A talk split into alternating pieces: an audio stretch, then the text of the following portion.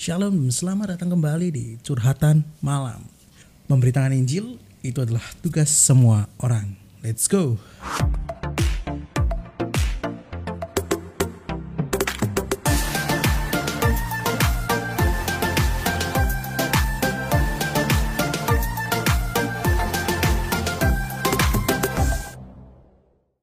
Curhatan malam hari ini kita berbicara tentang terima dan lakukan kita belajar dari satu cerita yang kalian sudah tahu sejak kecil, remaja maupun dewasa yaitu cerita Saulus yang bertobat.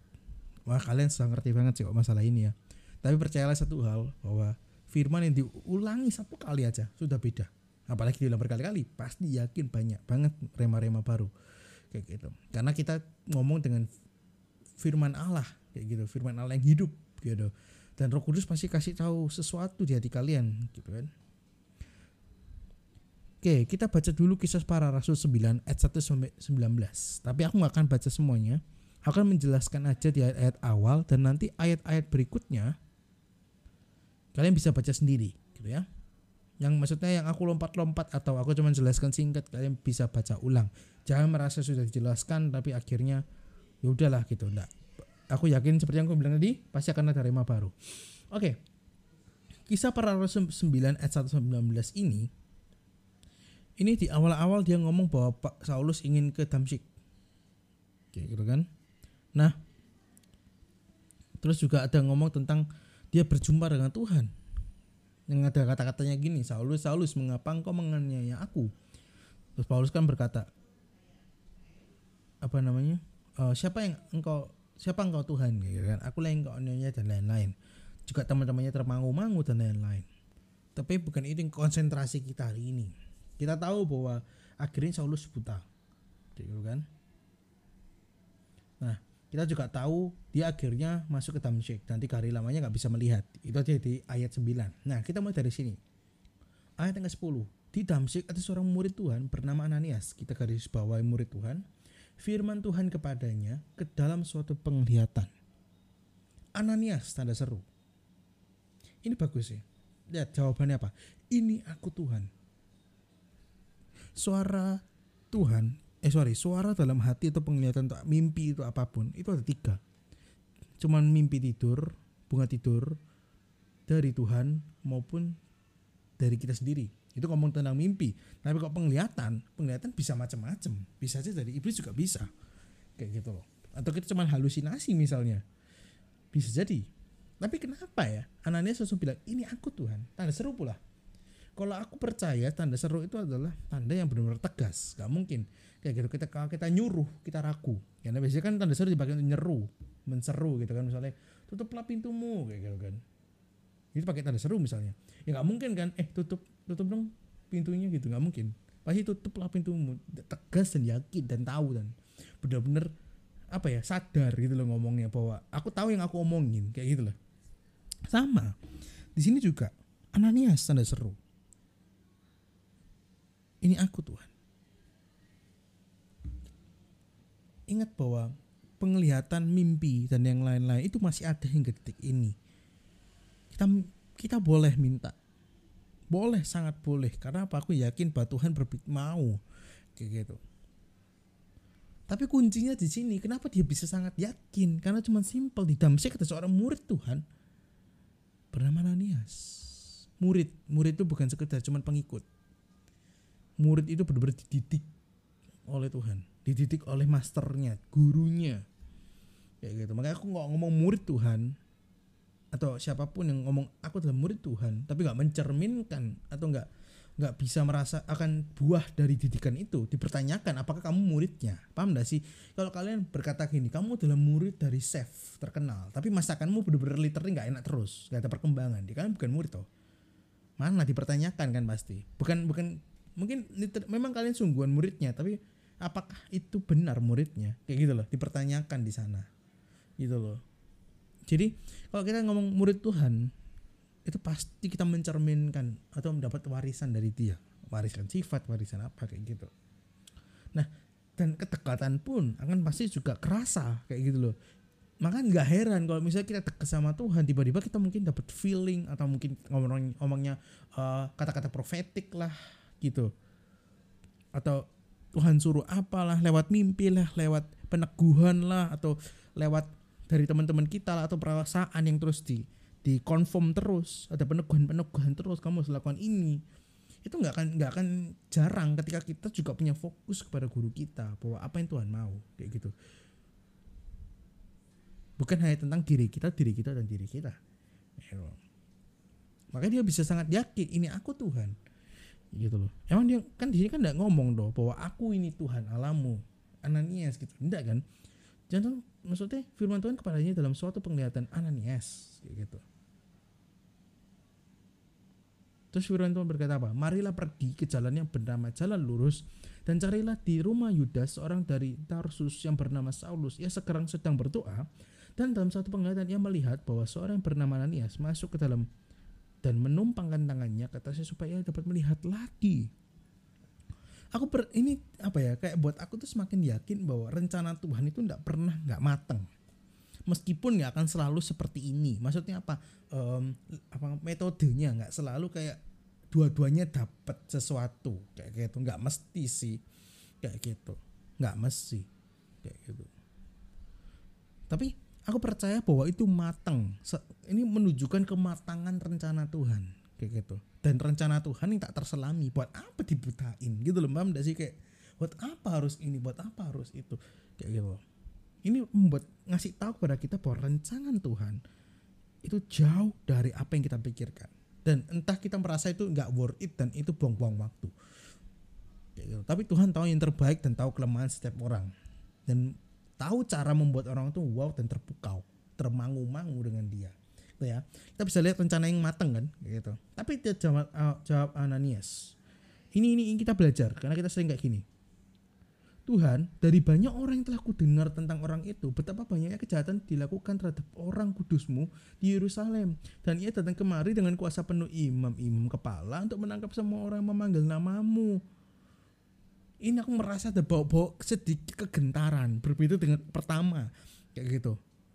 Yang aku dapat uh, secara aku ketika aku baca firman ini adalah ada keraguan kayak gitu. Kita juga sering kan ngelangkah kayak gitu. Tuhan aku disuruh bangun gereja tapi aku nggak punya kayak gitu loh. Nggak punya bahannya. Aku nggak pernah Tuhan untuk bisa per, kepikiran jadi pendeta. Aku nggak pernah disuruh um, buat bisnis ini contohnya. Aku nggak nggak aku takut Tuhan kok aku harus ngambil kuliah ini. Aku ngeras tapi aku kayak satu sisi kayak ngerasa yakin tapi satu sisi enggak. Seperti Musa yang pertama juga ragu gitu loh.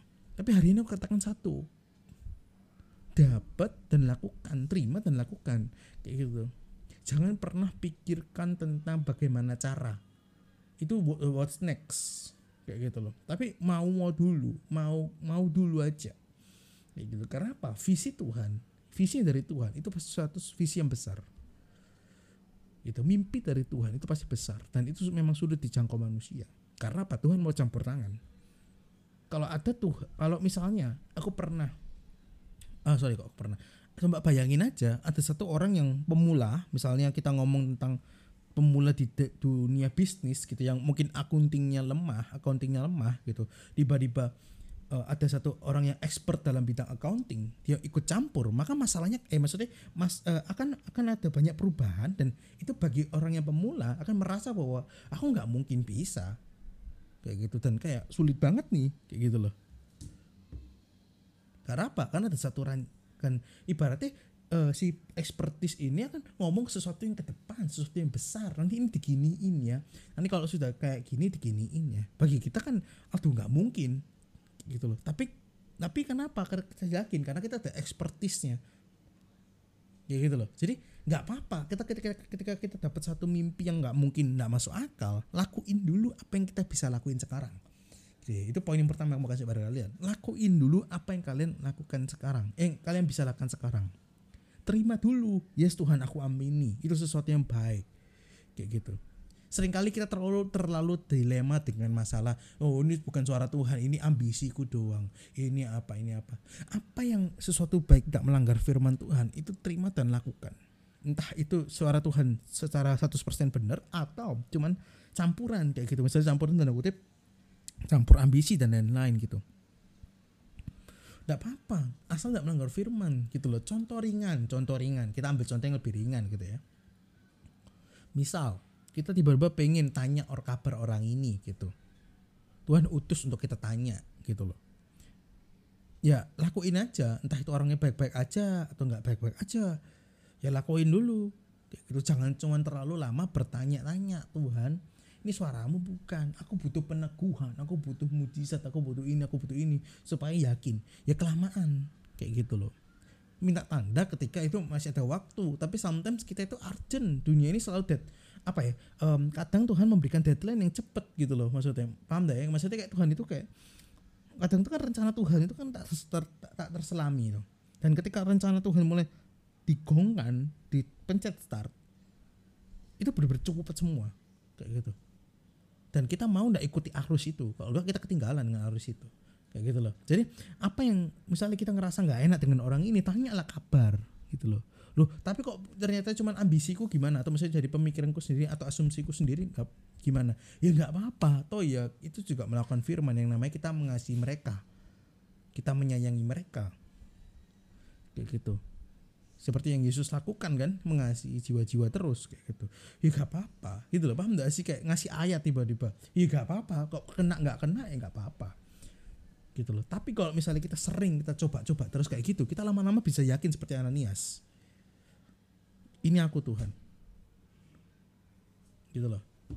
Jadi harus dilatih kayak gitu itu nggak bisa. Ya seperti pertama kali kita dengar suara mama kita ya kita bingung. Ini suara mamaku bukan ya? Apalagi ada orang yang suaranya mirip-mirip lama-lama kita bisa bisa benar-benar bedain. Meskipun itu bedanya di dikit banget kayak gitu. Itulah jadi yang pertama adalah terima dulu sambil diuji ya tapi ya. Maksudnya diuji diuji tipis-tipis lah. Maksudnya melewati firman Tuhan dah berhikmat dah jangan sampai spam ayat juga. Maksudnya satu hari 10 gitu ya enggak lah. Tahu diri lah ya kayak gitu. Dan yang apa namanya kita lanjut ya. Yang selanjutnya adalah jangan ragu. Sebenarnya mirip gitu tapi jangan ragu kayak gitu loh. Maksudnya ragunya di bidang mana? Di bidang bagaimana cara? Kayak gitu. Tuhan aku disuruh bangun gereja tapi aku nggak mau lang nggak tahu langkah ke mana. Kayak gitu. Ya wes nggak ya itu terimaan dulu. Kayak gitu.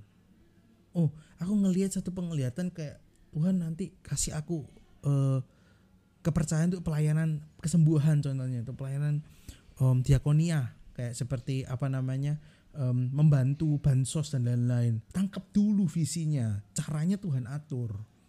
Seperti Ananias toh, Ananias cuma bisa apa? Ya, meskipun ada keraguan, tapi dia coba nurut. Karena apa sebenarnya? Kita ini cuma tinggal manut kok bahasa Jawanya, atau tinggal ikut arusnya. Dia yang dorong, dia yang ngasih tahu caranya, dia yang ngasih tahu alurnya. Kayak gitu loh. Cuman pertanyaannya kita mau atau enggak? Kayak gitu loh kalau kita ngikutin flow seakan-akan kita yang mikir jalannya sebenarnya enggak. Gitu loh. Seakan-akan kita merasa aku kok pengen kok pengen ke tempat ini ya? Kayak gitu. Seakan-akan kita yang mau. Seakan-akan kita yang butuh effort. Kayak gitu. Seakan-akan kita yang sorry yang ngeluarin effort sorry. Kayak gitu. Tapi sebenarnya enggak. Misalnya aku tiba-tiba kan pengen banget ngechat orang ini ya kayak gitu. Misalnya kan lagi down tiba-tiba pengen ngechat. Atau tiba-tiba di chat kayak gitu loh. Mungkin itu sebuah kebetulan tapi bukan sebuah kebetulan paham ya? Karena seperti Ananias Ananias ini kayak kan bisa lihat tuh arusnya loh kayak dia itu cuma ngikut kayak gitu loh. Sebenarnya apa? Alur alurnya sudah disiapin semua nanti bakal ditumpang tangan itu sudah jelasin kan bakal nabi Tuhan ini sudah jelasin. Tapi sebenarnya kita kan juga nggak nggak peka-peka amat kadang kan kayak gitu loh. Tapi maksudnya adalah ini tunjukkan dari eh, petunjuk dari Tuhan petunjuk dari um, rema yang di, diberikan kepada aku adalah yaitu tadi kayak gitu loh Tuhan ngutus Tuhan sediakan. Gak usah khawatir akan itu. Caranya Tuhan Tuhan Tuhan pasti kasih tahu. Sedikit kesaksian. Ketika dulu aku mulai membuat podcast ini aku takut banget dulu. Kayak gitu. Takut banget. Karena ya takut salah ngomong takut ini takut itu. Aku bukan siapa-siapa kayak gitu. Tapi ketika aku terus imani aja aku punya visi aku punya dream satu mimpi pengen buat seperti ini. Aku cuma pegang erat erat. Aku nggak tahu caranya cuma aku pegang dan aku deket gitu loh. Nah terus caranya gimana gitu loh. Aku bisa sebenarnya nggak tahu tiba-tiba aja ada alurnya ada arusnya. Meskipun jangan-jangan ngomong tentang periode lamanya tapi lama-lama bisa ke arah sini ke arah sini. Lama-lama nyampe ke mimpi itu. Jadi jangan pernah lihat prosesnya tapi hasil eh sini jangan pernah memusingkan prosesnya tapi nanti tujuannya akan di hasilnya. Paham ya? Jadi jangan cuman proses eh jangan cuman fokus kayak ke fokus eh sorry. Jangan cuman um, terlalu terpaku dengan proses, loh kok prosesnya nggak nggak akan mengarah ke sana ya, tapi belum tentu.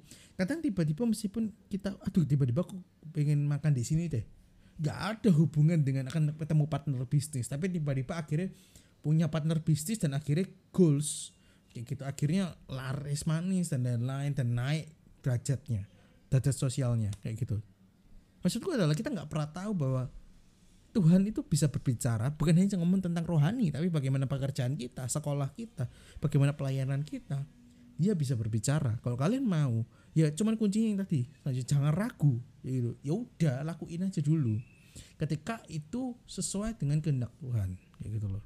Yang ketiga adalah teruslah dengar suaranya. Ya apa cara mendengar suara Tuhan? Aku cuma bilang satu, jadilah domba. Aku nggak akan berikan tiga tips, empat tips. Yang pasti kita sudah ngerti bahwa cara mendekat adalah baca firman, worship dan lain-lain. Tapi jadilah domba, jadilah domba gak usah macem-macem kayak gitu kok. Misalnya Tuhan uh, nyuruh ya kita coba lakukan dulu kayak gitu kan. Itu kan jadi domba. Domba diarahin ke mana ya coba dulu kayak gitu loh.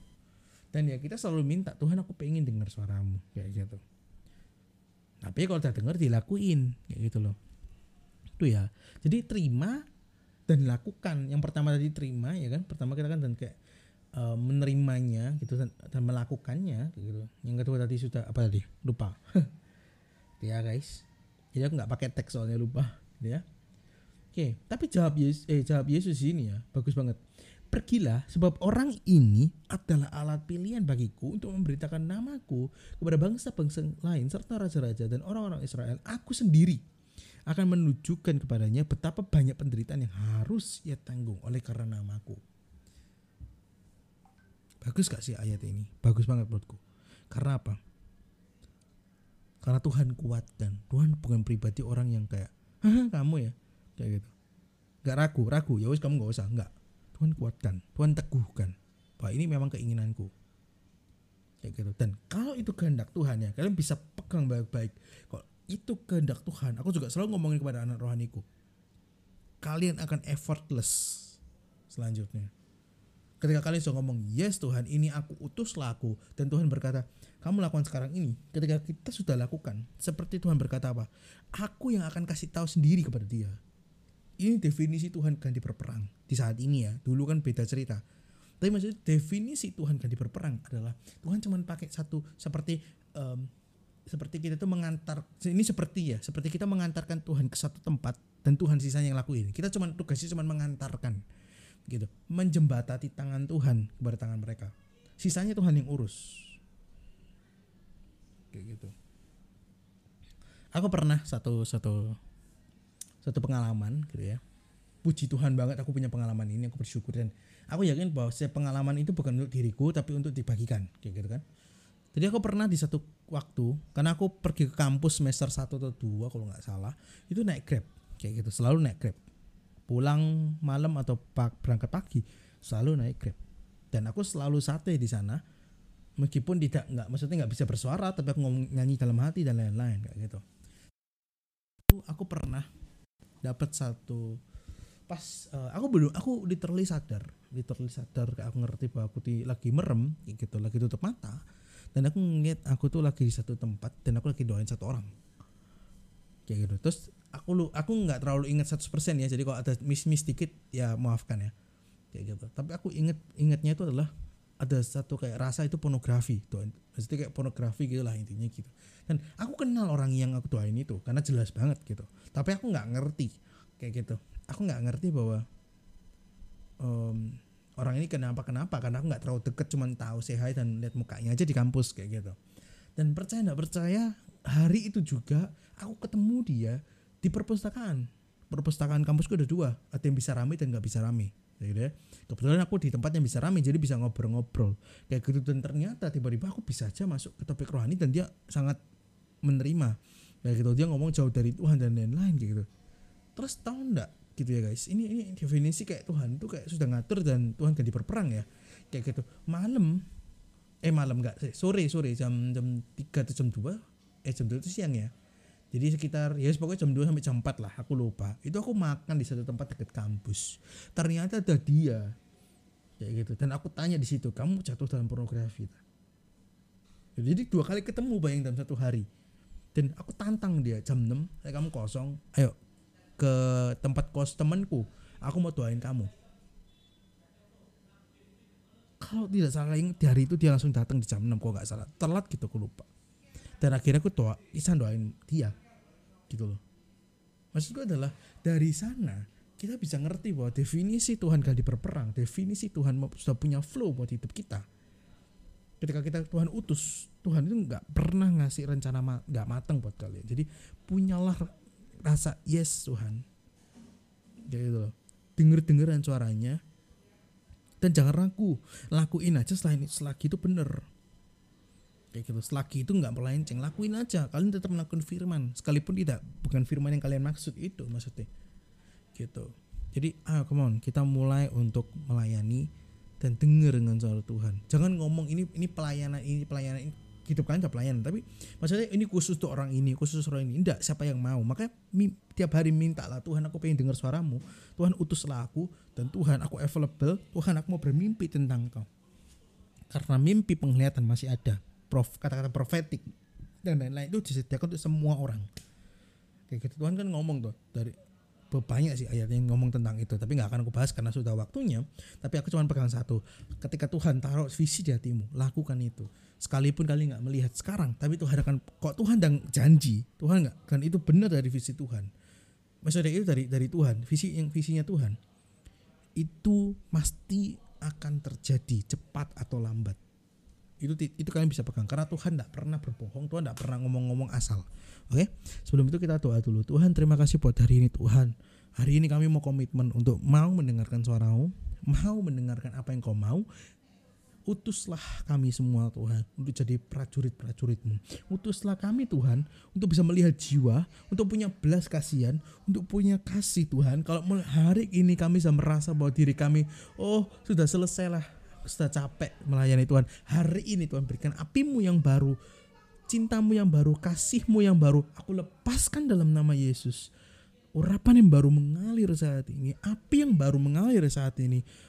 Di dalam nama Yesus. Ketika kami punya ketenaran cuman pengen ketenaran atau motivasi yang salah aku tolak dalam nama Yesus dan biarlah Tuhan kami semakin peka mendengar suaramu. Karena kami mau mendengar suaramu Tuhan. Kami mau untuk peka. Kami mau Tuhan pekakan kami Tuhan di dalam nama Yesus dan tanamkan visi pada mereka Tuhan.